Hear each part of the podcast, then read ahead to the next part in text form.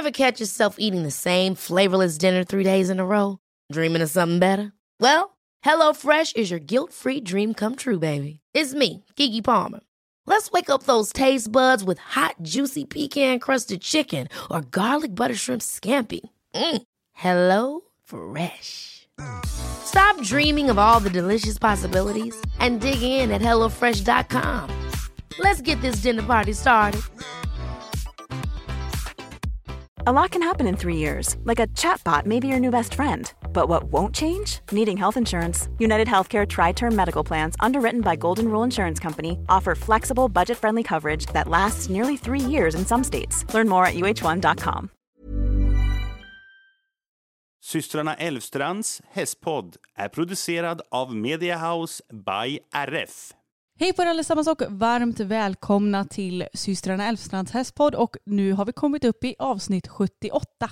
Det har vi gjort och jag som pratar nu heter Emma. Och jag heter Anna och vi driver den här podden tillsammans. Vi är två systrar som ni förstår av titeln att fråga. Och vi har fyra stycken egna hästar som vi tränar och tävlar i hoppning och dressyr. Jajamän, och vill ni veta mer om oss kan ni lyssna på antingen avsnitt 1 eller 56 där vi presenterar oss lite mer.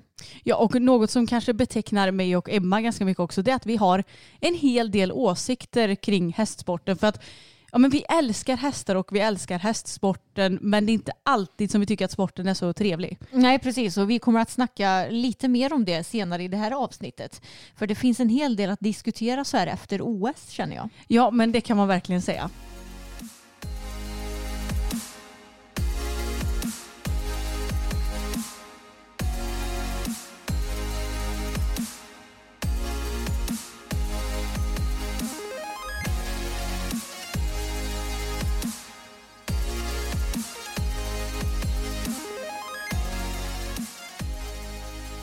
Hur är läget med dig då Emma? Jo men alltså jag får ju erkänna att det har varit bättre. Både när det kommer till min fysiska hälsa för att jag har ju min jäkla visdomstand som krånglar nu igen. Jag var inne hos tandläkaren förra veckan och eh, då slipade han ner en visdomstand på översäken som tydligen tryckte på min underkäke där det tydligen har börjat växa ut en ny visdomstand på ena sidan trots att jag är 30 år gammal. Mm. Ja men det, alltså ditt tandproblem låter ju exakt som mitt. Jag vet, men eh, ja, alltså folk säger ju att visdomständer ska sluta växa när man är 30 och eh, jag tänker att nu ger jag det lite tid. Jag hade i alla fall ingen bakteriell infektion den här gången som jag har haft förut när det har bildats här fickor som bakterier samlas i. Men jag har ju fortfarande ont. Men jag vet inte om jag har blivit lite mer härdad eller om det faktiskt stämmer. Men idag känns det som att det gör lite mindre ont. Ja vad skönt. Men annars så får du ju söka igen och så får du bara stå på dig att du vill ha ut skiten. Ja precis, då får jag bara dra ut den där jäkla tanden. Men hur är det med dig då Anna? Jo men det, det är väl ändå bra. Alltså också lite seg men vi har ju varit på semester Mm. och det är alltid lite så här när man kommer hem så har man mycket att fixa med. Man ska tvätta och komma ikapp med lite grejer så det är lite seg men annars så bra det kan bli. Ja, precis. Vi har ju varit iväg på semester. Du, jag, Samuel och Jelle. För vi är tillsammans igen. Jag har fått lite frågor på Instagram. Eller lite är nog en eh, underdrift skulle jag säga. Alltså till och med jag har fått DMs. är Emma och Jelle tillsammans igen? Jag kände bara it's not, none of my business. Men svaret på den frågan är ja, det är vi. Så nu har vi varit på semester, vi fyra. ja, eh, vill du förklara lite, alltså vad har hänt sen, sen ni gjorde slut? Eh, nej, men vi insåg väl att vi inte vill eh, vara ifrån varandra eller vad man ska säga. Mm. Och så ska vi försöka lösa de eh, eh, praktiska problemen som finns att lösa. Ja, så att eh, ja, ni sa ju det när ni gjorde slut att det känns så tråkigt för att egentligen så är det ju bara det praktiska som, Mm. som är tufft. Men nu har väl Jalle insett att han kanske ändå kan tänka sig att flytta. Ja, Ja. precis. Så får vi hoppas att eh, allt går i lås. Men eh, då vet jag i alla fall att jag ger det här en ny chans och hoppas på att det ska funka. Ja men det hoppas verkligen jag också för att han är en bra kille. Ja, det är han verkligen. Men någonting som är tråkigt och som ni vet, ni som följer oss på Instagram, det är att vi har väldigt tråkiga nyheter med Boppen. Och det som vi sa i förra veckans avsnitt stämde ju faktiskt tyvärr ganska bra. Ja, och alltså magkänsla säger ju oftast ganska mycket och mm. jag hade det på känn. När jag red boppen förra, eller förra, förra veckan blir det nu, mm. så kände jag bara att nej men det, det är någonting som inte stämmer och jag tror fan att det här är slutet. Mm.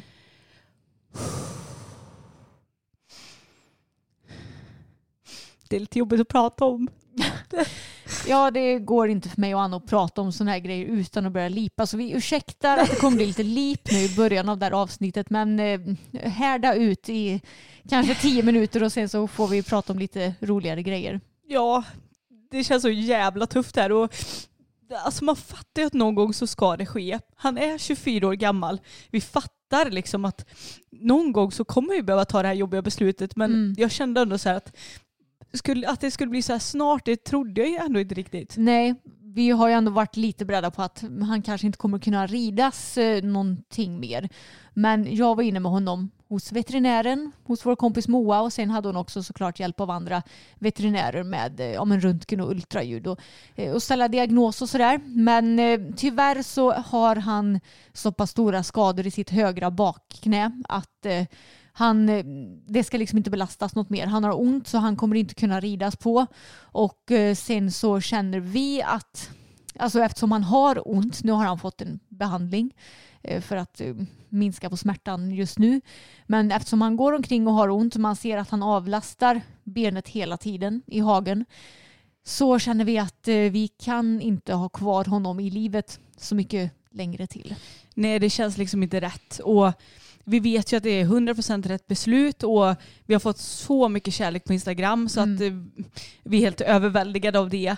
Men det känns för jävligt ändå förstås. Mm, ja, det, det gör det verkligen. Och eh, eh, Moa hon är ju både vår kompis och veterinär och eh, vi har ju kunnat konstatera att han har väl haft vissa skador i knät, typ artros, som han har haft länge. Men problemet har ju uppkommit nu det senaste med något sorts trauma som har gjort att han har fått en eh, stor skada på sin menisk. Och eh, det är ju då det här som är det största problemet, varför han blev så himla mycket sämre så himla fort. Sen så har han ju också väldigt, väldigt kraftig shivering i det benet. Och eh, eh, det märks ju på honom att han också får svårare och svårare för att till exempel ja, lägga sig ner i hagen och kanske också ta sig upp i hagen. Eh, och vi vill ju inte komma till den punkten att ja, nu har han lagt sig ner men han kan inte ta sig upp själv. Nej, fy fan alltså. Det vill vi verkligen inte göra. Så att det är väl ändå rätt tid att det kommer inte att ske liksom imorgon men Nej. vi kommer att göra det inom en snar framtid. Mm. Och um, ja, vad, vad var det jag skulle säga nu? Nu är jag helt virrig här bara för detta. Men eh, det känns ändå skönt att Moa har varit vår veterinär nu för att man kan liksom diskutera det på en lite närmare nivå även om jag tycker att man ska göra det oavsett om man känner veterinären i fråga eller inte. Mm. Men eh, nej, det har varit väldigt skönt att ha henne just när det har kommit till detta faktiskt. Ja, och jag har ju hopptränat Boppen både under hela våren och ja, men i juni någon gång gjorde jag ju vår sista träning och hon sa att alltså det här traumat det måste ha hänt efter det för jag hade sett när vi har ridit tillsammans ifall han hade varit halt. Ja, och vi har ju sagt det en del gånger att han har ju varit lite knackig här och där. Men det har ju känts att det inte har varit något akut eller något eh, bestående men utan det har ju mest varit så här lite stel och det har ju kunnat vara någon gång när man ridit också. Men när jag tog två, tre travsteg där jag bara nej det här är inte bra alltså. Nej. Nej, så ni förstår ju att vi är inte så, vi, vi är inte de gladaste systrarna just nu kan vi säga. Nej, det är vi verkligen inte. Vi har, vi har gråtit så mycket och ja, jag vet inte, vi vi känner oss helt nere. Och det förstår ni säkert och av den anledningen så känner väl vi att vi kommer fortsätta lite med Youtube på halvfart. Alltså Ja. det vill säga en video i veckan. Fram tills att vi mår bättre och har mer ork helt enkelt. För just nu så, ja, eh, våra, vår, men, vårt mentala mående är långt ifrån så bra som det kan vara. Alltså det här året har varit så jävla pissigt och nu är det så här the tip of the fucking iceberg känner jag. Ja, alltså mi- det här året har varit kast. Alltså antingen har jag haft eh, hälsoproblem typ exakt hela året. Eller så har mina hästar haft det. För det är ju antingen Bella eller Boppen som har varit skadade under hela året Mm. nästan. Det var någon bra månad nu tidigare i somras. men- Ja nej det, det är så jäkla tråkigt det här men eh, det känns väldigt fint att vi har er i ryggen tycker jag. Mm. Och eh, vi kommer inte att göra, med, eller göra samma sak som med Abbe när vi sökte om eh, tillstånd för att gräva ner honom i trädgården och göra allting hemma och Mm. sånt där. För att, eller i trädgården, i hagen menar jag. Eh, utan vi kommer faktiskt välja att, jag vet inte ens vad man gör, lämna in honom på klinik eller vad gör Ja, man? jag, jag tror det kommer bli lugnast för honom också. Ja det tror jag Eh, också. För jag tror inte att han hade uppskattat eh, alltså det sättet som Abbe blev avlidad på. Nej för han, jag tror inte att han uppfattade någonting för Nej. han hade ju inte några trauman med veterinärer eller Nej, så. exakt. Men Boppen är ju rädd i synnerhet om det blir lite, det kan ju bli lite hetsigt eller vad man Mm. ska säga när en, en, en distriktare kommer ut och ska ordna med det liksom. Mm. Så att eh, det får bli så. Så vi har ändå Ja. en plan och det känns ändå skönt men det känns för jävligt rent ut Ja. sagt. Och vi vet ju som sagt inte när det blir heller. Men eh, det är väl någonting som vi kommer kanske dela med oss av när vi vet mer. Men just nu så vet vi egentligen inte mer än det som vi har sagt. Nej, precis. Utan det, det är det enda vi vet om. Och jag känner också att gud vad det är skönt att ha de andra nu. För att man eh, tvingas lite ut i stallet och hålla på ändå. Och vi jag har ju tävlingar inplanerade. Jag har ju sagt att jag ska vara med i division 2-laget i höst. Och visst, det är inte så att jag är tvingad att vara med. Men man har ändå någonting som man måste ha i rullning på något vis. Ja, och Bella hon kommer igång mer och mer. Jag har använt mig till min första tävling med Bella nu efter skadan så att då blir ju jag också lite inom tvingad att faktiskt ja, men försöka hålla uppe motivationen med henne och med de andra hästarna så det känns ändå skönt. Och eh, nu fram tills att Boppen ska få åka till Abbe Ja. så får han bara gå i hagen och skrota och ha det gött med de andra hästarna. Och de kommer sakna honom så mycket. Ja, jag vet ju det som känns så jävla jobbigt också. Jag hoppas att vi inte kommer märka av det så mycket för då tror jag fan att mitt hjärta går sönder på riktigt alltså. Mm, jag med.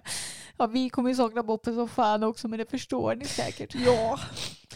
Och samtidigt så känns det så fint att Åh gud, alltså vi har ju så oerhört mycket minnen med honom.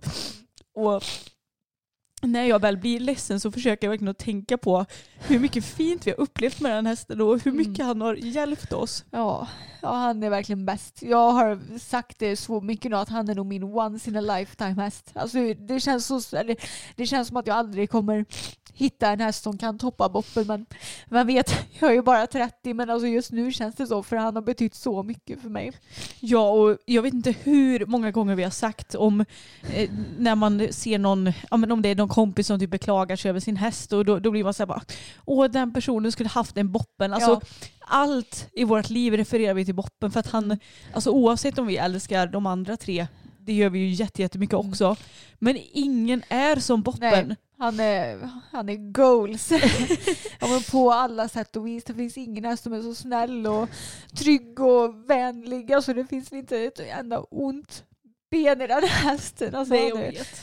Åh, han är så rolig att rida och så gör alltid sitt bästa. Och, ja, nej. Det är bara jobbigt men det, det är ju så här det blir när man väljer att ha kvar hästar hela deras liv och inte säljer dem utan låter dem bli gamla hos en. Och det är så med alla djur visserligen, då blir det sådana här beslut som man måste ta. Men även om vi vet att det sker så blir ju inte det saken lättare för dem. Nej jag vet och ibland så blir jag så här bara, alltså vad fan håller vi på med? Varför kan vi inte bara ha, köpa in unga hästar, rida till dem och sälja vidare så vi slipper det här jobbiga? Ja, det hade varit mycket enklare. Ja, men vi är ju inte sådana som personer. Och alltså, jag kommer säkert störtlipa nu, men jag måste läsa upp en så fin kommentar som vi fick på Instagram. gud, jag lipade så mycket Jag när jag läste den. Okej, jag vet inte ens om jag är redo för det här. Jag ber om ursäkt om ni ens inte hör vad jag säger. Älskade Boppis. Abbe har längtat efter dig och Tage älskar dig även fast du går nu. Abbe tar emot dig med öppna hovar medan Tage lämnar dig med tomma hovar. Bella kommer sakna dig även fast ni inte har känt varandra så länge. Fokus kommer sakna hans ledare. Och så har han lagt upp en nallebjörn, det tyckte jag var så gulligt också. Ja. Men Anna och Emma kommer ha ett hål i hjärtat som kommer vara svårt att fylla. För du, just du Boppen, du kommer vara saknad men aldrig glömd. Saknaden kommer vara stor. Ja, den var, Den så, var så fin. fin. Så himla fin. Alltså, jag har läst den flera gånger och gråter varje gång för Jag att den är så fin. Ja, gud. Och det är inte bara vi i vår familj som kommer att sakna den här älskade hästen utan det är ju så många fler personer Ja, ute på nätet. Och det känns både, jag vet inte, absurt och så himla fint på något vis. jag håller med. Och flera av våra kompisar som har, kompisar som har sagt att de måste komma och hälsa på. Ja. Eh, alltså våra kompisar som inte kanske bor i närheten av oss. Så ja, det, han har gjort ett intryck på många. Ja. Vår älskade Boppis. Och jag undrar ju på riktigt alltså hur det ska bli i flocken nu för han är ju flockledaren. Det kommer ju bli Bella som tar över och jag vet att Anna, vår mentaltränare, sa det att när Bella kommer att bli ledarstoet, då får du nog se upp lite med henne.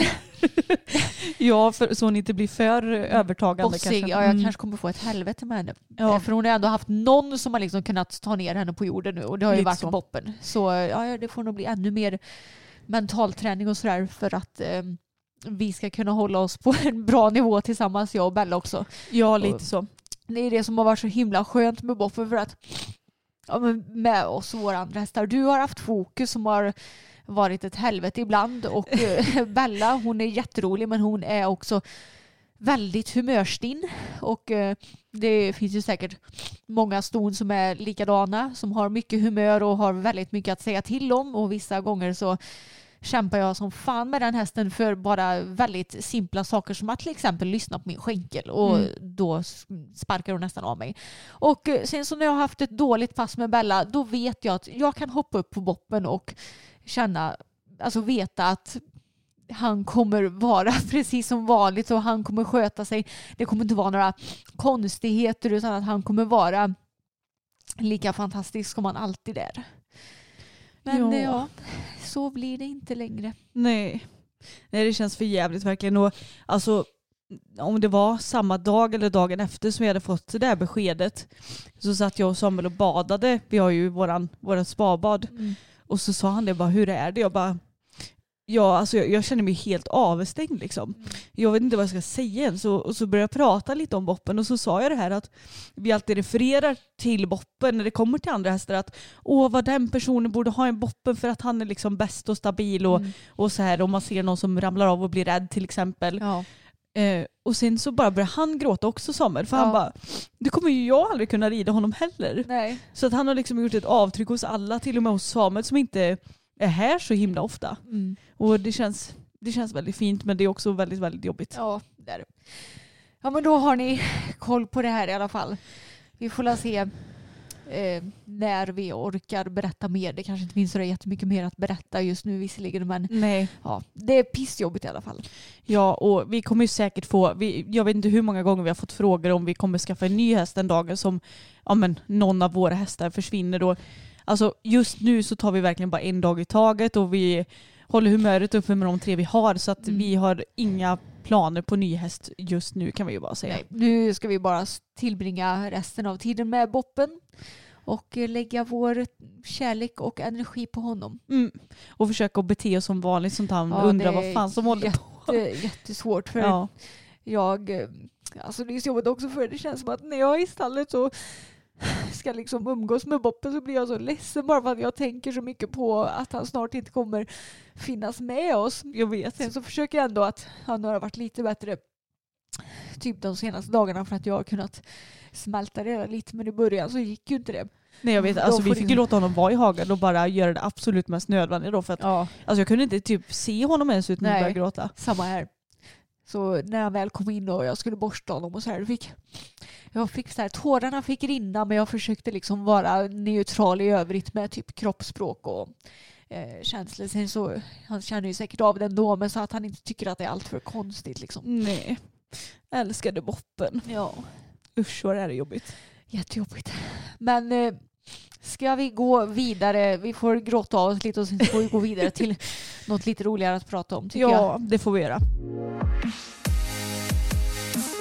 Jag nämnde ju förut att jag har anmält mig till en tävling med Bella och det är nästa helg så ska vi till Jäsene och hoppa 90 cm bedömning A0 plus A0. Så alltså med omhoppning om vi är felfria i grundomgången och det ska bli superkul. För eh, sist jag tävlade med Bella det var i oktober och då hade vi precis startat vår första en meterklass efter att hon fick sin diskskada. Och eh, det gick jättebra och alltså alla tävlingar med henne förra året gick ju kanonbra. Mm. Vi hann ju inte med så många då på grund av corona och sen så blev hon skadad igen. Men eh, nu känns det som att hon kommer igång i bättre och bättre form och eh, vi har ju inte hunnit hoppas Alltså inte alls mycket men jag känner att vi måste ut och tävla och 90 centimeter det är ju en Alltså det är väldigt enkelt för henne så jag tänker att det är bara att köra på. Ja men ärligt talat så är det ju lite så att det är ju inte så att du förväntar dig stordåd nu när du ska åka ut utan du vill mer ut för att, ja men man behöver lite rycka av plåstret. Ja, jag känner det också. Och eh, vi var ju i Gäsene för två år sedan tror jag. Ja.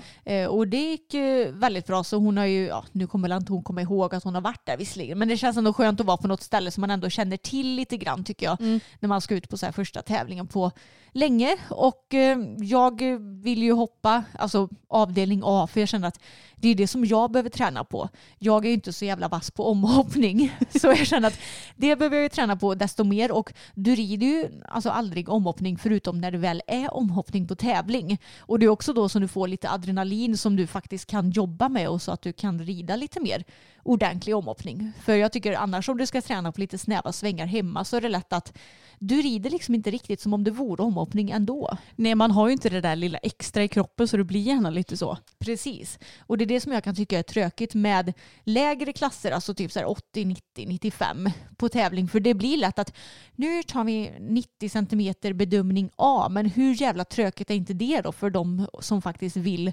eh, ja, men hoppa och faktiskt tävla i de lite lägre klasserna? Jag vet och jag tycker det finns inte en enda tävling här omkring just nu som har de klasserna. För Nej. jag hade gärna åkt ut på en 80 centimeter, okej nu har jag inte hoppat taget på evigheternas evighet, eh, men det hade varit kul att komma ut och tävla lite. Ja. Och det är ju den klassen som jag känner mig bekväm just nu med både tag och fokus eftersom Mm. jag har hoppat så extra, alltså hur många gånger har jag hoppat i år? Typ tre gånger eller någonting. Ja, alltså. inte mycket. Nej, så då känner jag att jag, jag, jag kan inte komma ut på typ en 90, eller det hade väl funkat men ni Jo. fattar vad jag menar. Mm, ja, exakt. Och jag fattar inte riktigt grejen med att bara ha avdelning, eller vad säger jag, bedömning A i de här lägre klasserna. För det finns ju jättemånga som har hästar som de ändå vill tävla omhoppning på. Det är inte bara unga hästar som går de här lägre klasserna. Nej, och det finns ju en del hästar som kanske inte har så mycket kapacitet eller ryttare som inte har självförtroendet nog att hoppa högre Mm. klasser. Så då är det asbra att man kan åka ut och hoppa 80-90 som faktiskt är klasser. Jag håller med. Så därför så tog jag den enda 90-klassen som jag hittade nu här i vårt distrikt som faktiskt har omhoppning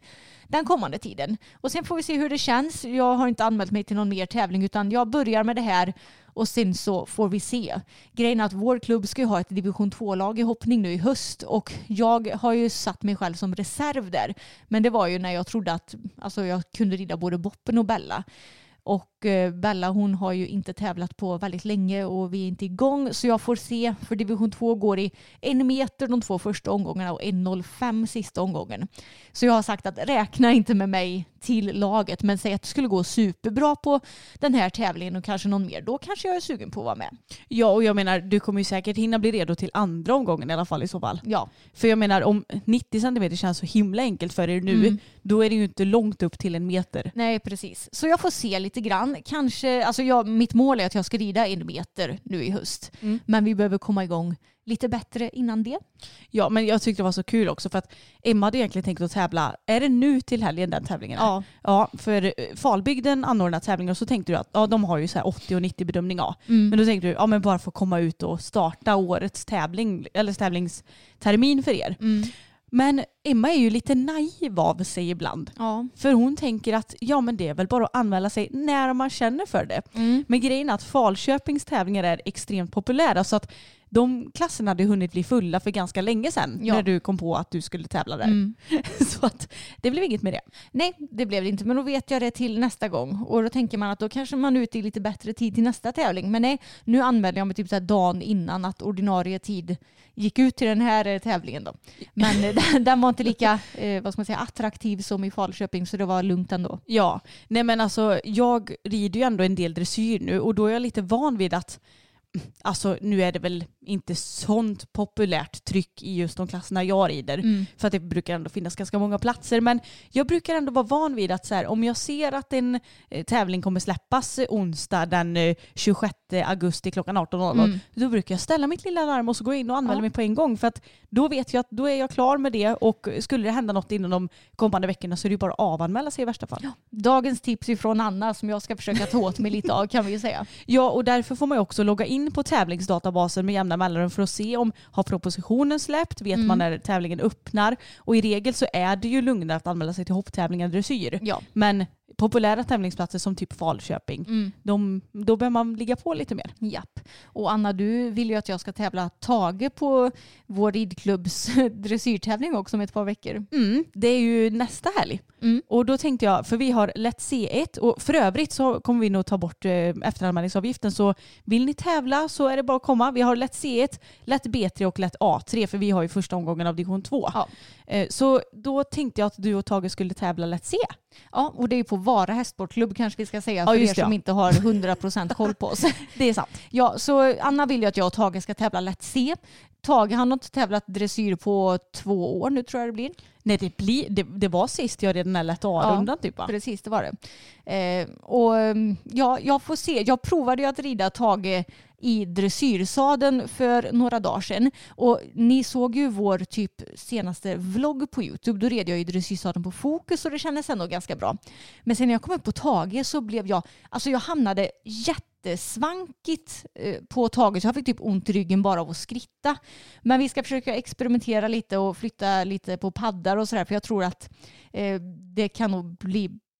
Den kan nog ligga bättre på tag om vi gör lite justeringar. Ja men de är ju inte helt lika i kroppen, Tage och Fokus. Så det är Nej. inte konstigt att det blir lite annorlunda. Och jag som ändå är van vid att sitta i en sadel, jag tror inte att jag reagerar lika mycket som du gör. Nej, jag eh, gillar ju inte dressyrsadlar. Eh, Men sen så kunde jag knappt sitta på taget när jag provade att rida i hoppsadeln heller. Så det är liksom, han är inte heller superlätt att sitta på. Speciellt inte när han blir bakom skänken, vilket jag ju vet att han kommer bli på banan för han är ju en liten segkorv. Men ja, det hade ju varit kul ändå kanske att ha någonting att eh, träna till så kan jag rida Tage lite mer också. Ja men det är det jag tänker och då tänker jag också att vi imorgon, vi ska experimentera lite med sadeln Mm. och så tänker jag att jag ska coacha dig lite från marken, jag som ändå är van att rida Tage. Mm. Och sen så kan vi rida och Bob, eller vad säger jag, eh, Bella och Fokus efter det. Ja, men det låter bra. För alltså grejen med Tage är att jag, när jag red honom då, eh, ja, sadeln kändes inte bra, nedsittningen kändes inte bra, men annars så känns ju alltså, han bra. Så det, det, själva ridningen är ju bra, det är bara de här små detaljerna som gör att man ska kunna rida ett dressyrprogram också. Ja men exakt, men det är ju det positiva med Tage att han, han är ju ganska stabil i sin formkurva. Ja. Så att eh, han brukar ändå vara ganska stadig. Och skulle du inte vilja tävla då funderar jag fasiken på om inte jag ska anmäla mig till en lätt C. ja, men det hade varit kul. Ja, bara för att det är roligt. Och grejen är att jag hade väl kunnat rida en lätt B egentligen men det är ju på lång bana. Jag orkar inte det med Nej, Tage. jag vet. Det, det går inte.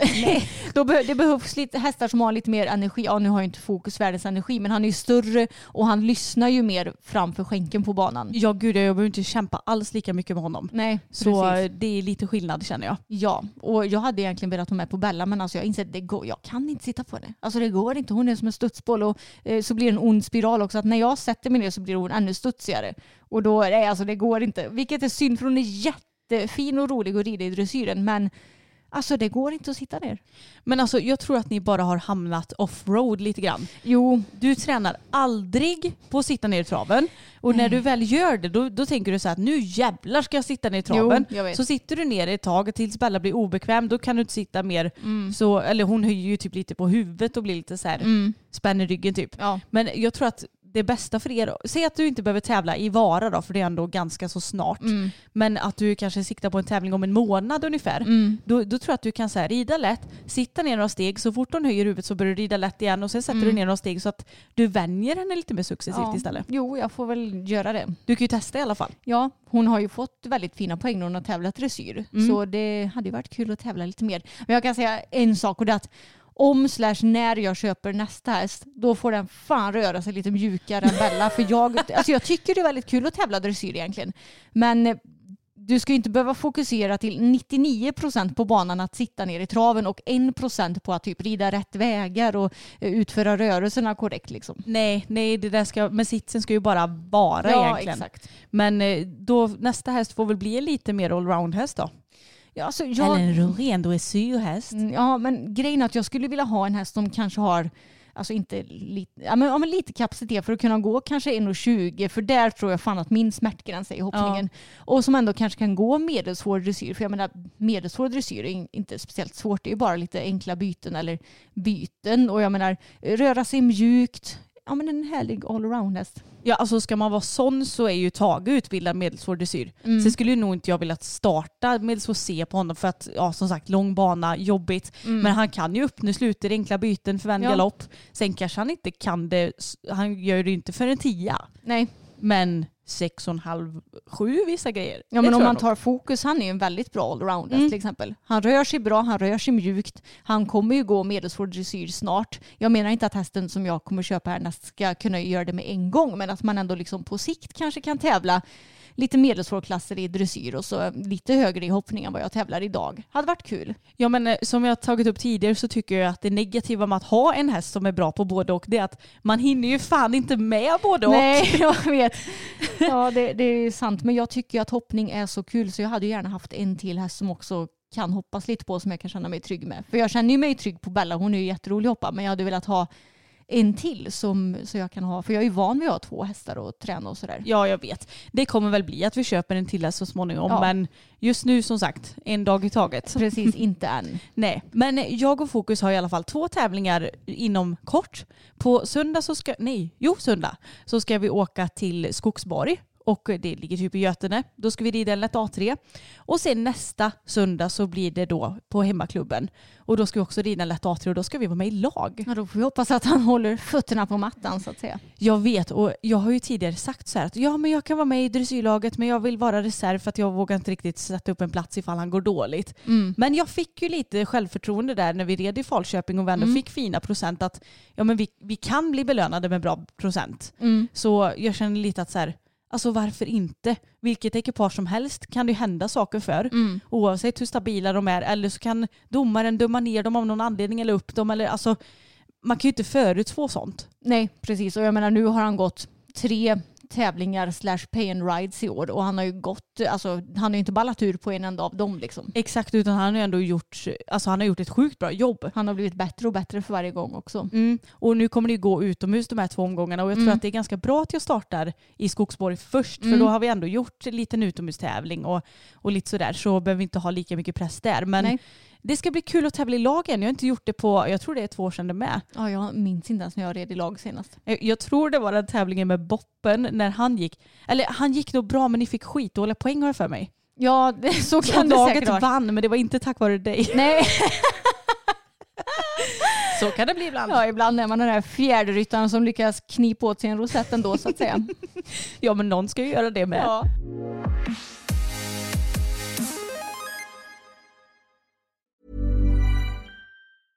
Imagine the softest sheets you've ever felt. Now imagine them getting even softer over time. That's what you'll feel with Bowl and Branch's organic cotton sheets. In a recent customer survey, 96% replied that Bowl and Branch sheets get softer with every wash. Start getting your best night's sleep in these sheets that get softer and softer for years to come. Try their sheets with a 30-night guarantee. Plus, get 15% off your first order at bowlandbranch.com. Code BUTTERY. Exclusions apply. See site for details.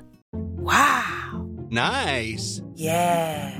What you're hearing are the sounds of people everywhere putting on Bombas socks, underwear, and t-shirts made from absurdly soft materials that feel like plush clouds.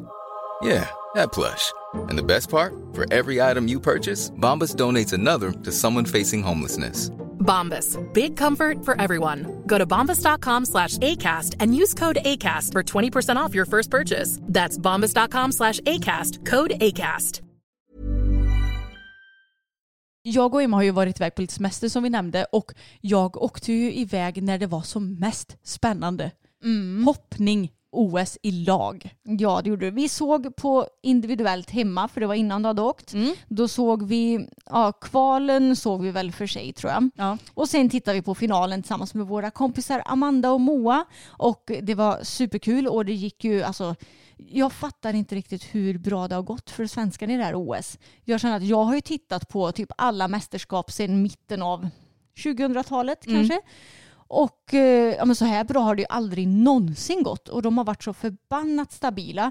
Tre svenska ryttare av sex ryttare totalt i liksom omhoppningen i individuella finalen. Hur sjukt är inte det? Ja men alltså det var helt sinnessjukt och när bara en japanska var det va som var felfri också och de tre svenskarna var felfria. Jag bara tänk om det inte blir något mer felfri nu. Då, då har ju vi garanterat två medaljer till Sverige. Tänk vad sjukt om de hade tagit etta, tvåa, trea. Man blir ju lite Ja. girig där Ja. innan eh, Ben Maher och eh, Michael van der Vleuten. ja, eh, innan de blev felfria. Man bara åh, det här, det här kan bli riktig medaljskörd. Ja, alltså, vi, vi sa det att det, först blev man så här, åh gud vad bra, det är tre stycken som har gått vidare till omhoppning. Men sen så blev det nästan ett litet, eh, vad heter det? Ja men man blir lite snuvad nästan. Ja, man blev lite snuvad på konfekten där när det bara blev Peder som tog silver. Och eh, jag blev nästan mest besviken över att inte Henrik fick det där bronset. jag vet. Än att eh, Peder skulle ta guldet då, för jag tyckte verkligen att Henrik förtjänade en medalj. Och i synnerhet nu i efterhand när vi vet att han var den enda som bred alla felfria runder. Ja men alltså det är ju helt sjukt. Mm. Och det som vi vet nu i efterhand också det är att tre hästar sedan OS startade Mm har lyckats vara felfria genom ett helt OS-mästerskap.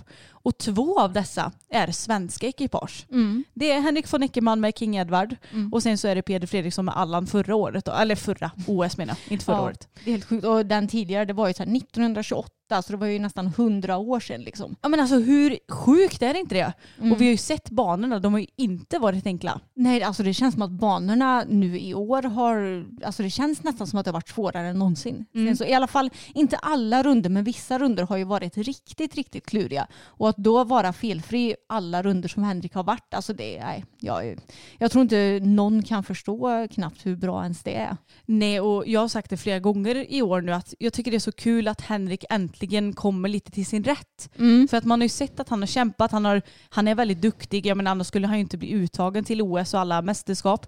Men så när han har ridit Mary Lou, det är väl ändå hans senaste topphäst eller vad han haft det innan Ja, det. ja. Ja, då, då har det liksom blivit så här, ja men var felfri på alla hinder men fick tramp i vattnet och alltså hon var ju lite speciell.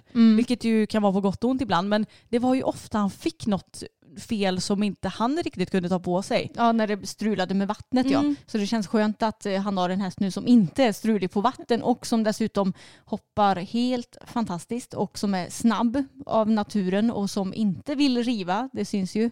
Alltså King Edward, den är, den är så fin den hästen så det är helt sjukt. Det är makalöst. Är det en hingst? Nej. Jag vet inte. Ja, det är Ja, jag säkert. tror det. Attans, annars så hade det ju varit ganska så bra avelsvärde på den Ja. nu. ja men alltså jag fattar också inte hur samtliga tre svenskar har lyckats formtoppa sina hästar så sinnessjukt bra som de har gjort. Alltså de tre ser ju fräschare ut än någonsin alla hästarna. Ja, det är helt galet och det är väldigt, väldigt imponerande. Mm. Och vi ska ju säga det också att Peder var ju 1700 delar från OS-guld Ja. och Eckermann var väl också typ så här 20 delar från bronsplatsen eller vad Ja, det jag, var jag sånt. minns inte riktigt hur Nej, det var mycket nära i alla fall. Mm, Så men, det, ja det- men vad skulle du säga? Jag tänkte säga, men det är ändå kul för jag vet att Henrik var ju lite bitter när han inte fick någon medalj eftersom han började backa lite och så i omhoppningen. Mm. Eh, så det är ändå väldigt kul för hans del och laget, hela lagets del såklart att det blev guld till slut så att han kunde få lite comeback där. Ja men alltså hur spännande var inte lagfinalen då eller? Ja, det var helt galet. Vi var ju på semester då, så eh, vi hade varit ute och paddlat kajak och sen så satt vi och käkade på en ja, typ beachrestaurang eller vad man ska säga. Och då hade de på tvn där finalen sändes. Och då satt vi och tittade och det var inte så många folk på den här restaurangen men det satt ju lite familjer här och där och vi skrek så mycket och tjoade och kimmade så att Samuel, Kom igen och räck över nu! Och... Så Samuel och Jelle tyckte nästan att vi var lite pinsamma sa de. Ja, men jag känner lite det också. Att hade det varit eh, fotbollsfinalen med herrar då Mm. hade ju restaurangen ett varit fullsmockad, två hade varit ganska hög ljudnivå. Så när det väl är vår favoritsport då ska vi väl få tjoa som vi vill. Ja, jag håller med. Och jag tror att eh, Allan han var så här, jag river sista hindret för nu ska Peder fan få rida snabbt i omhoppningen. nu ska han få ta igen det där. så enkelt ska vi inte få det. Ja, men ibland undrar man ju om inte han vet om vad det är Ja. för spänning. Alltså, Ja, men alltså, han hästen. visste ju till och med om att han hade ett hinder på sig att riva på EM-finalen för några år sedan. Ja, det, det kan, vi kan ju inte förklara det på annat Nej, vis. nej. Han, är en, eh, han har en hjärna utöver det vanliga så att säga. Ja men typ så. Men alltså jag var så nervös och mm, att sitta och titta på en hoppfinal, inte live utan man sitter där och tittar Eh, ja, men på en tv så här. Alltså jag sprattlade och jag tjoade och jag, jag knyckte till med benen och jag vet inte vad jag gjorde. Mm. Omhoppningen blev ju så sjukt spännande också. Eh, och jag blev så här, när Sverige gick vidare till omhoppning mot USA kände jag bara nej. I förra mästerskapet så förlorade vi mot dem och USA är ju alltid generellt väldigt snabba. Så jag kände bara nej, nu får det fan inte bli något till silver. Speciellt inte efter gårdagens fotbollsmatch där damerna fick silver istället för guld Ja. trots att de dominerade hela matchen. Och då blev jag så här, nej, nej alltså det blir sånt jäkla antiklimax om det blir silver idag igen. så jag är så glad över att de lyckades eh, ja, men, upprätthålla sin favoritposition och faktiskt vann. Ja, alltså, jag fattar inte hur man kan prestera så under sån press. Det, det, är så imponerande och jag tycker det är så himla roligt för alla inblandade. Mm. Och även om jag, jag, kan tänka mig att Rolf Göran kanske känner sig lite snöplig på detta men han har ju haft en extremt viktig roll i detta också. Mm. För jag har förstått det som att han har verkligen spanat in de andra ryttarna, sett vad de gjort för missar och vad de gjort bra mm. och kunnat leverera det till ryttarna om de velat veta såklart. Ja precis, ja, han har ju extremt mycket erfarenhet också mm. och eh, har ju såklart jättemycket kunskap att dela med sig av när det kommer till allt möjligt på en sån tävlingsplats. Så jag tror att han definitivt också har varit en stor del av det här guldet som det blev. Det tror jag också. Men något som jag tycker är lite konstigt det är att, ja men vi nämnde ju att damerna tog ju silver i fotboll, mm. vilket ju är fantastiskt. Även fast jag är lite sur över att det inte blev något guld för mm. jag satt och tittade. Och ehm, jag måste bara säga det också att det är tråkigt att damfotbollen inte får så himla mycket alltså publicitet får de väl, mm. men att de är lite dolda på något vis. För att jag är ju inte insatt i fotboll för fem öre, mm. men ändå så har jag varit så att ja, men jag har typ inte vetat om hur duktiga de har varit, men de har ju fan medalj på medalj. Ja, jag har ju vetat om hur duktiga de har varit, eh, alltså om man ska säga resultatmässigt jämfört med eh, svenska herrlandslaget så är ju damerna mycket bättre. Eh, de har ju betydligt fler medaljer. Ja, precis det har de ju. Så jag har ändå haft lite koll på det. Men eh, däremot så får de ju inte Alltså de får ju absolut inte lika mycket pengar och inte lika mycket uppmärksamhet och allt vad det nu kan vara. Och Nej. det är väldigt tråkigt. För jag personligen tycker ju att det är roligare att kolla på damfotboll än herrfotbollen. För ett, damerna trillar inte ihop så fort vinden blåser lite på dem. Och två, det blir faktiskt mål. Ja men det, det, var faktiskt jättekul att kolla på damfotbollen så det har jag följt lite grann. Men det jag skulle säga var att där har ju även reserverna fått medalj. Ja men är det så att för när det kommer till svenska damlandslaget har ju typ alla spelat. De bytte ut nästan hela truppen till andra eller till Nya Zeeland-matchen. Ja, sant. Så jag vet inte om det, alltså reserverna fick, men de, jag tror att i princip alla reserver har ju ändå varit med och spelat. Har även reservmålisen spelat? Ja. Ja, det har hon. Mm. Okej, då kanske det är så, för jag kände lite att om nu hela damlandslaget har fått medalj, varför kan inte Alltså, det jag är lite delad där. Det är ju inte kul att få en medalj när du inte har deltagit rent mm. Eh, fysiskt eller vad man ska säga. Nej. Men samtidigt har han ju gjort så mycket för laget. Du förstår mm. vad jag menar? Mm, jag förstår. Så han borde ju typ fått ett guld fast kanske ändå inte. Nej, exakt. Men eh, vi måste ju ta och snacka lite om, om en, all kritik som OS har fått också. För det har ju varit eh, väldigt mycket skriverier om det här nya upplägget eller vad man ska säga. Jag vet inte riktigt om det är nytt alla delar men det som jag har sett har fått kritik i alla fall det är ju dels att eh, lagtävlingen var sist mm. och att eh, de individuella tävlingarna var först. Ja för det brukar väl alltid vara tvärtom? Ja, mm. det är jag ganska så säker på. Eller att det liksom hänger ihop kanske lite mer på något mm. vis. Eh, och att även det som du rider individuellt räknas med till laget. Mm. För så har det väl varit på alla mästerskap vad jag vet i alla fall. Eh, så dels det, dels att de bara var tre ryttare i laget, mm. vilket innebar att de kunde inte stryka något resultat utan att alla resultat räknades. Och sen också att eh, alla lag och ryttare började på noll fel sen i finalerna. Ja, det, det är ju nästan sämst av allt. Ja, tycker jag. Alltså, om, säg att vi hade bara räknat med antal fel under hela tävlingen, då hade ju Henrik vunnit OS-guld. Mm. Och jag personligen kan ju tycka att på ett mästerskap så borde väl den personen vinna som har presterat bäst totalt. Inte som bara, ja men säg Sverige till exempel, de dominerade ju hela de tre första omgångarna, eller fyra första omgångarna om man räknar med omhoppningen och sådär. Mm. Eh, och sen då så hade de kunnat komma till lagfinalen och så hade alla kanske fått ett snöpligt pet var. Och så hade de helt plötsligt kanske inte fått medalj trots att de egentligen borde ha fått det för att de har varit felfria allihopa tidigare. Mm. Jag tycker verkligen det också. Och jag menar, de, hade, hade man bara räknat allas fel eller så mm. Redan från början, då hade ju de haft guld Alltså om man tänker på vilka prestationer ja. de har gjort. De hade ju inte behövt hoppa om. Nej, Exakt, så det vet jag har fått mycket kritik. Och jag känner också att, säg att USA hade vunnit då den här omhoppningen. Fan vad orättvist det hade varit för de hade ju inte varit lika värda det som svenskarna egentligen tycker jag eftersom svenskarna har haft mindre fel på hinder totalt. Ja och jag menar som tionde lag så kunde du ha ganska många fel för att de, Mm. de tio bästa lagen kom ju med till lagfinalen. Och Sverige låg ju på noll fel och sen så låg ju de flesta på 4, 8, 12, 17 fel var nog det sista som kom in i Eller lagfinalen. ännu mer tror jag. Ja, 24. Ja, men det var så här skitmånga fel.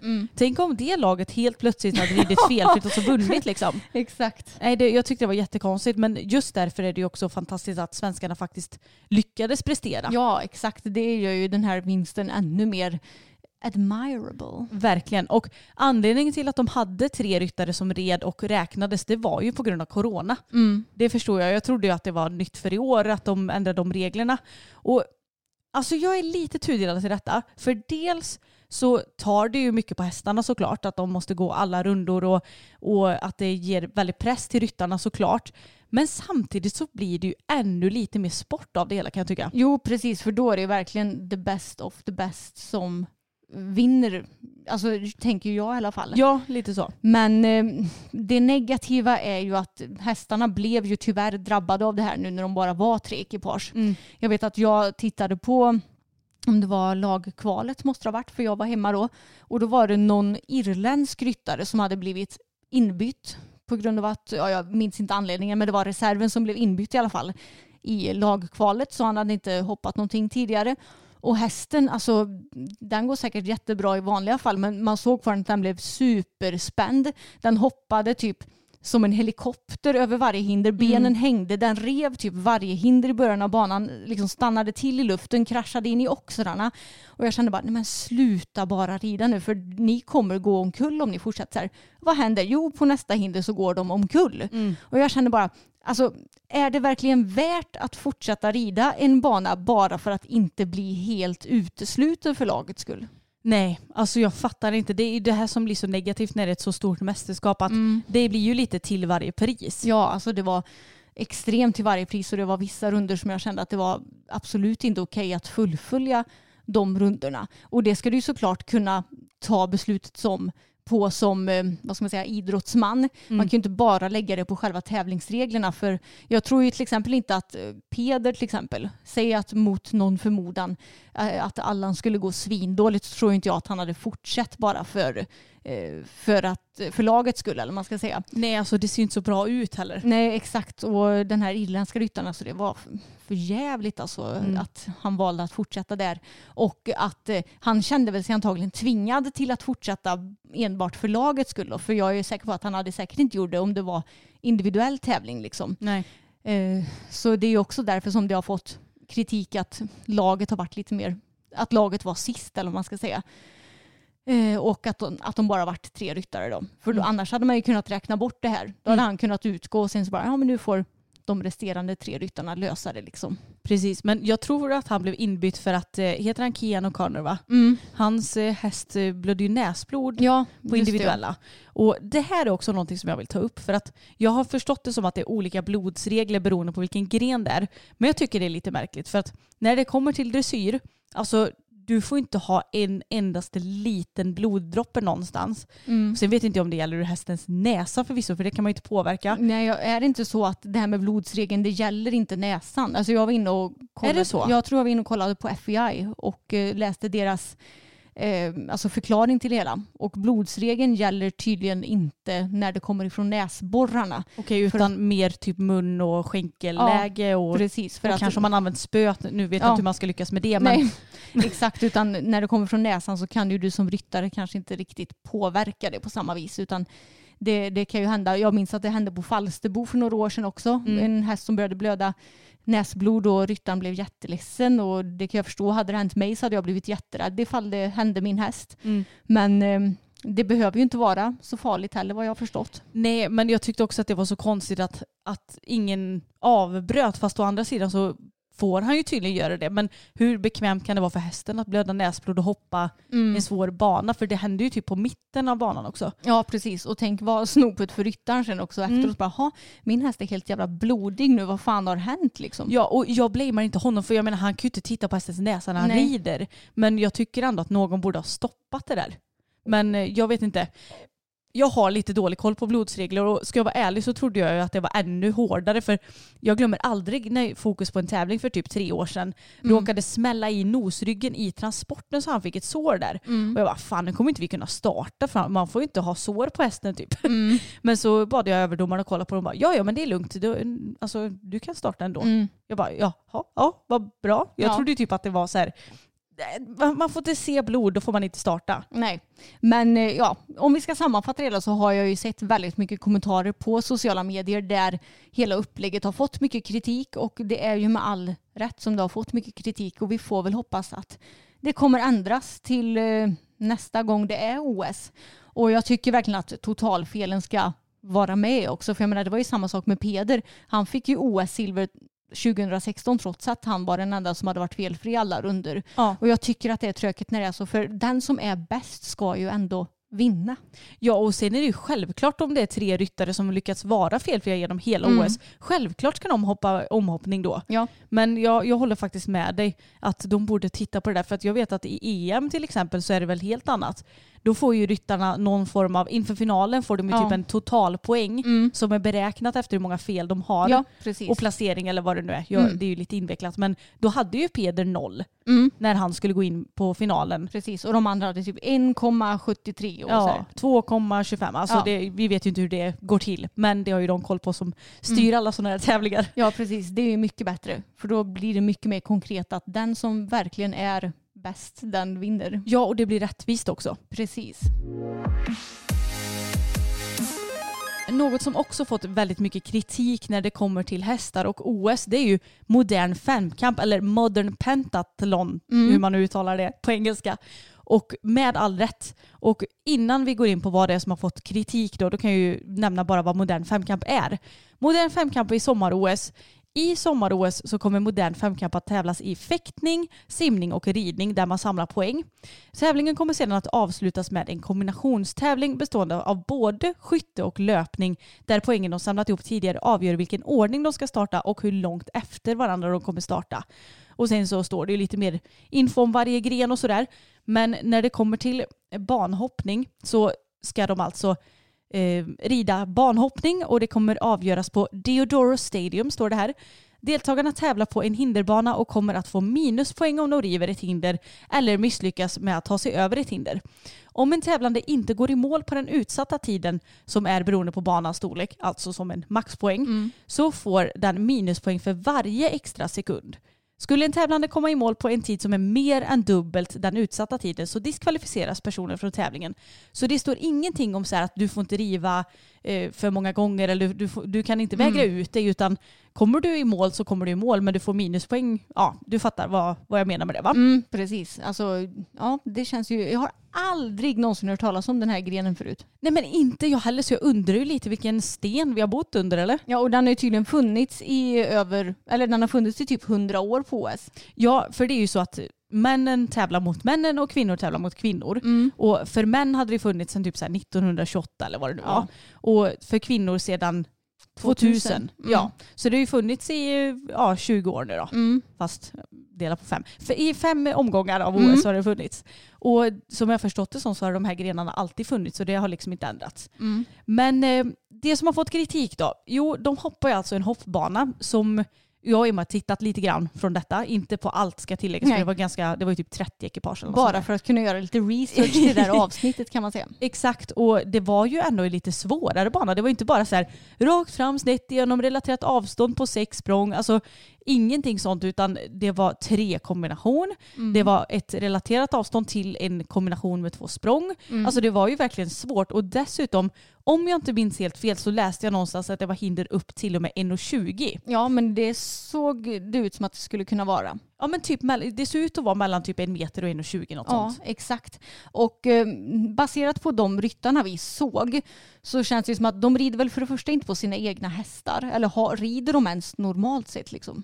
Alltså jag vet inte men jag tvivlar ju på att de kan hålla på med både så här fäktning, simning, ridning. Alltså Mm. att de kan hinna med alla de Nej, fem precis. sporterna. Det är klart att de har tränat lite ridning inför det, men man såg ju på dem att det var liksom inga vana ryttare. För att eh, jag, jag kan ju tänka mig att de har lånat hästarna så att de inte har egna hästar. Men eh, hästarna, eller de la hästarna i skiten många gånger. Eh, jättenära, jättestort. Och hästarna var ju väldigt snälla som ändå fullföljde uppgiften och gjorde den väldigt bra. Men du, du ser ju på en ryttare om den är van vid att rida varje dag eller inte. Om den är van vid att tävla 1,20 eller inte. Ja, den, har ju, den ryttaren har ju förmodligen ett helt annat självförtroende och ett helt Mm. annat kroppsspråk. Och jag vet också att, jag tror att det var en av våra bekanta som delade lite klipp från detta och då var det ju typ en massa som kraschade in i hinder och Mm. ryttare trillade av. Och det är väl inget fel med det, alltså herregud, det gör ju vi också. Mm. Men man gör ju det inte för att man tvingas tävla, eller tvingas gör de väl inte, men ska tävla med en häst på någonting som man inte är redo för för fem öre liksom. Nej, och att eh, rida världens största idrottstävling också Mm. på det här sättet. Nej, och det som har fått eh, allra störst kritik är väl en viss ryttare från den här omgången va? Ja, och det är en tyska. Nu ska jag googla på vad hon heter nu igen, för det har jag ju såklart glömt bort. Ja, vi har ju inte koll på de här ryttarna för de är inte några eh, vad ska man säga, vanliga ryttare eller man ska säga. Nej, men exakt. Det är ju en helt annan idrott än ridsporten och de har ju fått väldigt mycket kritik ifrån de stora ridsportnamnen också ska tilläggas. Alltså det här, jag gillar inte olympiska spelens eh, hemsida för det är jättekrångligt. Men eh, nu har jag fått upp det här. Eh, hon hette så mycket som, just det, jag ah, nu kommer jag inte ihåg förnamnet, om det var Annika eller någonting. Mm. Och så Schloy tror jag man säger Mm. på tyska. Ja, och vill man se det här så finns det på, finns det på Discovery Plus. Ja, exakt. Mm, och det är den sista ryttaren. Ja, för man går in på individuella damer eller vad det nu står. Mm. Och ridningen är det absolut sista, så det är Mm. verkligen de sista fem minuterna eller någonting Mm. på hela programmet om man nu vill se hennes ritt. Men för det första, innan hon ens får startsignal, de säger Mm. liksom nu, nu hälsar vi, ja hon heter Annika Schloy, välkommen. Och så börjar publiken applådera och hästen den går liksom inte framåt utan den bara backar och krånglar och, Mm. och vill inte ens in och galoppera på banan. Alltså den är ju på banan Mm. men den vill inte iväg. Nej.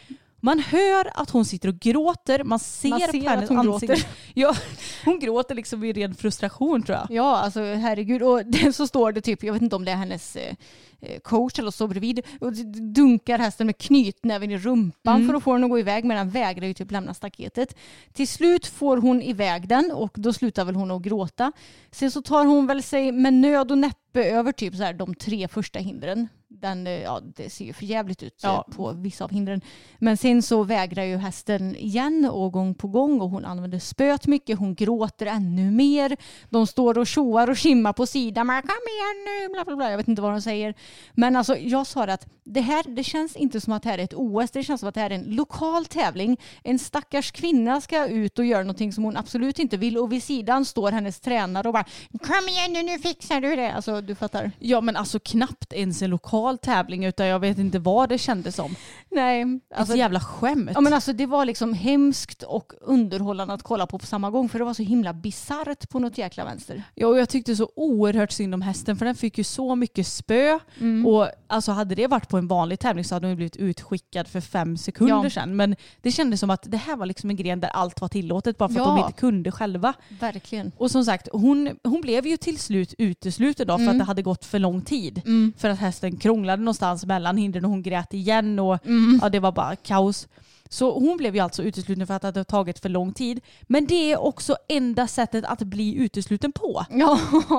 Och kanske om man ramlar av också, det vet jag inte. Nej. Men det är ju helt sjukt för jag menar hästen vägrade nog två gånger och hoppade igenom något hinder och så här, Mm. och, och man blir bara så här, alltså en vanlig människa hade ju bara, det här går inte, jag utgår.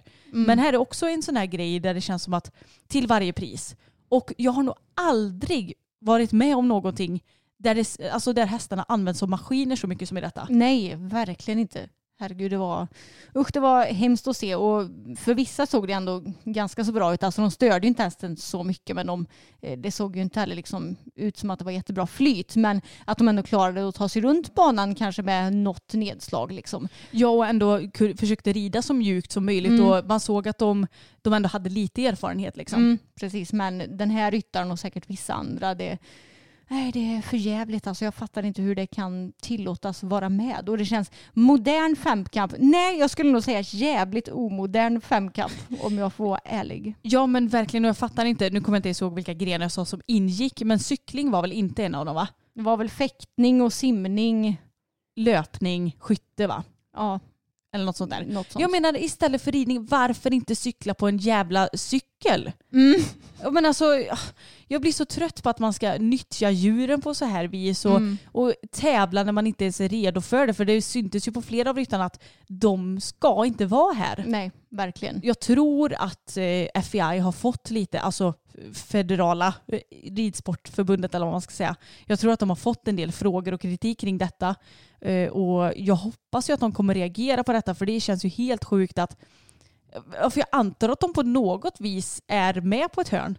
För att de är väl med inom allt inom ridsport Ja, i alltså, världen. jag har ingen aning om FEI är med på det här eller om det är någon helt... Det, det känns ju också som att det kanske borde vara en helt annan organisation. Ja, med tanke på regler och sånt. Ja, exakt. Mm. Ja, sant kanske. Jag vet inte om de har något med det att göra, men någon borde ju sätta ner foten och det skulle Mm. egentligen kanske skett för, inte vet jag, hundra år sedan. ja, men det här kändes så omodernt, tråkigt. Tycker så synd om, om hästarna, men jag tycker också på något sätt att det är tråkigt att ryttarna pressas till någonting som de Ja. inte är mogna för också. Eller hur? Det är synd om alla inblandade skulle jag säga. Mm. Och även om det är ju fritt val att tävla i OS för att du vet ju att du ska hoppa en bana på en häst när du tävlar OS i det här. Men samtidigt så är det så här Nej, jag vet inte vad jag ska säga. Jag tycker bara det är helt sinnessjukt att det finns. Okej, nog tjötat om OS. Jag tänkte att vi skulle ta och avsluta det här avsnittet med lite prat om sommarprat. Ja, vi vet ju att, eller vi vet väl allihopa att Lisen har släppt ett sommarprat. Och det är väl några dagar sedan nu va? Ja, den 4 augusti släpptes det om jag vill minnas rätt. Och jag lyssnade på det i princip så fort avsnittet hade släppts så lyssnade jag på det på min, min gymträning, min dagliga gymträning för jag tänkte att det är skönt att ha någonting att underhålla mig med. Och eh, jag tänkte berätta lite vad jag tyckte om det helt enkelt och eh, kanske prata lite om vad även, ja men jag har pratat med någon kompis om det till exempel och hon tyckte nog ganska så lika som mig. För du har inte lyssnat på det eller? Nej, alltså jag har ju inte hunnit det. Nej. Så jag, jag hade ju tänkt att jag skulle lyssna så fort jag kunnat. Och jag ska ju lyssna på det såklart. Mm. Men eh, det ska bli kul att höra vad du, vad du har att säga om det. Ja, En liten recension. Ja men precis. Men först och främst, ju, våra önskemål inför Lis och sommarprat det var ju att hon skulle fokusera på sig själv och inte på Peder eftersom det är så mycket fokus om Peder när Lisen är med i typ alla intervjuer och sådär. Mm. Och eh, det höll hon faktiskt väldigt bra får jag säga. Ja. Hon pratade bara om honom lite grann i slutet och det var verkligen skönt att hon bara ja, valde att prata om sig själv och sitt liv och utelämnade Peders liv ja, men så mycket som det gick skulle jag kunna säga. Ja, alltså, det är ju inte konstigt om man nämner honom för att hon, Nej. eller han är ju ändå en stor del av hennes liv också såklart. Men det är skönt också att hon kan, hon kan se sin resa eller vad man Mm. ska säga och faktiskt ta tillfället i akt och prata om det. För att Ja. det är ju det som vi många är nyfikna på. Ja, exakt. Och sen så läste jag på hennes Instagram också att eh, hon hade varit lite stakig och nervös kanske de första 15 minuterna och eh, det märktes för det var lite, eh, vad ska man säga, lite ryckigt och inte så himla flytande eller vad man ska säga, Mm. hennes prat utan det märktes att hon var lite nervös och eh, man fick inte riktigt något bra gung i lyssningen. Och eh, alltså jag får säga att jag är lite besviken på det här sommarpratet. Jag trodde nog att det skulle vara lite annorlunda mot vad det var och nu var det inte så många dagar sedan jag lyssnade på det. Det är kanske fyra dagar sedan jag lyssnade på det. Men det är liksom inget sommarprat som har gjort något vidare intryck på mig. Eh, jag kommer knappt eh, ens ihåg vad hon har pratat om. För att eh, jag tyckte dels att början av sommarpratet det var liksom det var ganska trökigt och det hörde inte riktigt ihop med det som kom sen. Alltså jag tyckte liksom inte att det var någon vidare röd tråd i det hela som gjorde att man blev fast i det. Ja, jag förstår. Men vad började hon prata om? Kommer du ihåg det? Ja, men det var väl lite sin barndom och sådär. Mm. Och eh, jag tyckte att hon pratade om delar om barndomen som kanske inte eh, ja, men var så underhållande eller att man blev fast att lyssna på. För nu har jag lyssnat på ändå ganska så många sommarprat och det är ju många som pratar om sin barndom eh, men att det ändå är åh gud vad intressant att lyssna på det och Mm. att man liksom vävs in i själva historien. Men nej, alltså jag kände att det, jag gjorde inte det. med Lisens prat och då är jag ändå väldigt intresserad av hästar och tycker att det jobbet som hon gör är väldigt bra. Så jag tänker att en person som inte är intresserad av hästar eller Lisen borde ju inte tycka att det är speciellt underhållande. Du tänker kanske att den personen hade stängt av i det här laget då eller? Ja men lite så. Alltså jag tyckte ju till exempel att Sven-Göran Erikssons sommarprat var bättre än Lisen så då är jag ju bara intresserad av fotboll när Sverige spelar. Mm, precis. Men vad fortsatte det hela med? Alltså började hon prata någonting om sin hästkarriär eller har hon pratat någonting om sina företag? För det är hennes företagande som jag är mest nyfiken på. Ja, hon pratade i princip bara om sin hästkarriär. Ja. Eh, och jag hade ju tyckt det varit kul att få reda på lite mer hennes eh, ja, men entreprenörsanda och hennes företag och ja, men som sagt kanske lite om Jönköping Horse Show, hur det var att starta det och hennes varumärken och sådär. Men det var mest fokus på hennes karriär som ryttare och eh, ja, men, hästhandlare eller vad man ska säga. Mm. Och det är såklart också intressant men det hade varit kul att höra något helt annat än det som man ändå vet lite grann om sen tidigare. Ja, och det känns ju ändå också som att eh, utan att ha lyssnat på sommarpratet givetvis så vill man ju kanske veta lite bakgrund kring Lisen och hennes barndom kanske lite grann så. Och sen hennes hästkarriär. Men sen också varför hon slutade att tävla på den nivån och kanske Mm. vad hon gör idag och hur hon tog sig dit. Det är Mm. lite det jag hade trott att hon skulle prata om tror jag. Ja, men det var nog lite det jag menar med att den röda tråden saknades lite i Ja. pratet. Jag förstår. Eh, Så ja, alltså det var ju absolut inget dåligt sommarprat. Men eh, jag har ju tyckt att det är i alla fall, jag vet inte hur många sommarprat jag har lyssnat på, kanske 10-15 stycken och av dem så har nog i alla fall 10 varit bättre. Ja, så det, det är ingen favorit i, i samlingen. Nej, men eh, gillar man Lisen och det hon gör så kommer man säkert tycka att det är intressant att lyssna på ändå. Men det var vad jag tyckte och jag pratade med vår kompis Amanda om det nu när vi var iväg på lite semester och hon tyckte nog samma som mig. Att hon förstod sig främst inte på början av sommarpratet. Sen blev det lite mer intressant men det var nog början. Alltså, du vill ju att någonting ska vara bra från början så att du sugs fast eller vad man ska säga. Jo, visst är det så. Vi, vi människor är ju kanske lite kräsna på det viset att vi gärna vill bli fångade på en gång. Ja. Men, nej, men jag, jag ska ta mig tiden och lyssna för det ska Mm. ändå bli intressant att höra. Ja. Och ehm, ja, det är många som har frågat vad vi tycker om sommarpratet så därför kände vi att vi måste väva in det lite i det här Ja. avsnittet. Men jag tänker att kan inte vi ge våra eh, topp tre eller topp fem bästa sommarprat från i år? Jo, eh, jag har nog inte hunnit lyssna på lika många som dig. Men alltså det bästa hittills enligt mig är ju helt klart, vad heter hon i efternamn? Matilda Hovling. Hovling ja. Eh, alltså det är ett tufft avsnitt så orkar man inte höra om hemskheter så ska man väl inte lyssna. Men hon pratar ju om att hon har varit med om eh, ehm, Grooming. grooming, jag ville säga trafficking, men det har det väl varit också delvis. Eh, hon har varit väldigt eh, utnyttjad som ung och eh, det kändes på något vis så fint att hon delade med sig av sin historia för att det är väl inte alla som vet hur det går till och att hon orkar öppna upp sig om det, det tyckte jag var väldigt modigt faktiskt. Mm, jag håller med. Och eh, sen några andra favoriter ifrån mig. Jag har ju lyssnat på ett gäng, men de som har alltså, satt sig mest i mig det är nog Karin Bodin Mm. som är vd för Polarbröd. Och det är också en sån person som jag hade noll koll på innan, men hennes historia verkligen var intressant och hon var så himla bra på att berätta. Mm. Och det, det lyssnar ju du också på Anna, håller du med mig? Ja, jag tyckte också det var väldigt intressant och jag tycker det är så härligt för att många gånger så hör man ju ganska många om, eller ganska ofta om män som står bakom stora företag. Men att hon som kvinna rodar runt ett jättestort företag och det har ju, det kan väl inte vara någon som missat att Polarbröds lokaler, det brann ju ner till grunden så de har ju fått eh, ja, men lite start om från början och Mm. nej, jag tyckte det var häftigt. Ja. Och ja, men förutom Matilda och eh, Karin, Ami Brammesi, Ja. Eh, Det var så bra, hennes sommarprat.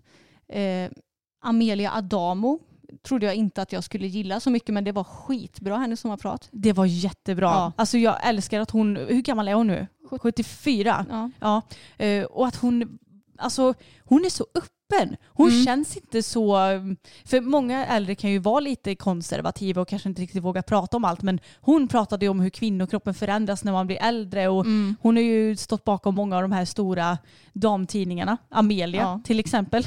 Inte så konstigt med tanke på vad hon heter. Nej. Men det har ju inte jag fattat innan heller. Nej, precis. Och eh, Olga Persson, hon pratar ju om eh, ja, men, mäns våld mot kvinnor och eh, i synnerhet nu i pandemin. Mm, det har jag missat så det Mm. måste jag lyssna på. Väldigt viktigt. Eh, Jag har inte lyssnat på så många av de som har släppt det senaste men jag har lyssnat på en del i början och jag tror att de som jag har sagt nu är de som har eh, lämnat störst avtryck på mig i alla fall. Mm. Ja och sen så Keyos sommarprat är också Ja. bra. Men vi var ju på hennes show Mm. och det var ju, man kände ju igen mycket av det som togs upp i showen togs ju också upp i sommarpratet. Ja. Så det var inte så mycket nytt för oss där kanske. Nej men man fick ju lite uppfräschning av minnet och jag, jag tycker att Keyyo är så himla härlig. Mm. Så att eh, ja, det var väldigt härligt att lyssna på. Ja, jag måste lyssna på Tusses sommarprat för det har ju släppts nu för ett par dagar sedan. det. Det måste Det jag ska jag göra. Ja men det, det finns ju många bra sommarprat och eh, ni eh, kan väl gärna tipsa om era bästa sommarprat och det kan ju vara genom tiderna för jag menar det finns ju hur många avsnitt som helst. Ja, men just från i år. Nadim Ghazale var väldigt bra också. Ja det har jag inte heller hunnit. Nej. Alltså i början var jag såhär, nu ska jag lyssna på varenda sommarprat men sen så tappade jag det där. Ja. Och alla Men- sommarprat är ju inte lika bra heller tyvärr. Nej, exakt. Jag, jag, jag får titta så här i min mobil hur många procent jag har lyssnat av varje sommarprat. Är det så här 98 procent då vet jag att då är det bra. Är det så här 70 procent, nej då var det nog inte lika bra kanske. Nej. Men det har varit många bra sommarprat i år tycker jag. Mm, det håller jag verkligen med om. Ja, men det var väl allt för det här avsnittet. Vi hade egentligen tänkt släppa era impopulära åsikter del två, men vi kände att vi hade lite för mycket att prata om. Så det får komma kanske nästa vecka istället, Anna. Ja men jag kände det att vi måste ju dela med oss av nyheterna kring boppen och då känns det så himla så här, ska man bara prata om det och sen kasta sig in i, idé. Nej det kändes inte rätt så det var tvunget att komma ett vanligt inom citationstecken avsnitt tycker jag. Precis. Men som sagt, nästa vecka så hörs vi här igen. Och gillar ni vår podd får ni jättegärna prenumerera på den i er poddapp. Och sen har vi också vår YouTube-kanal som heter Systrarna Älvstrand som ni gärna får prenumerera på. Vilket kanske är extra bra att göra nu när vi är lite nere och kanske inte riktigt lägger upp videos lika ofta som vi brukar göra. Exakt för då har ni koll på när de dyker upp. Och vi finns ju på Instagram också, systrarna Elfstrand. Och nu får ni hålla tummarna för mig och Fokus som ska rida på söndag och tävla. Och hur det har gått det kommer vi ju uppdatera er om till nästa podd. Det kommer vi göra. Ha det bäst allihopa så hörs vi igen om en vecka. Det gör vi. Hej då!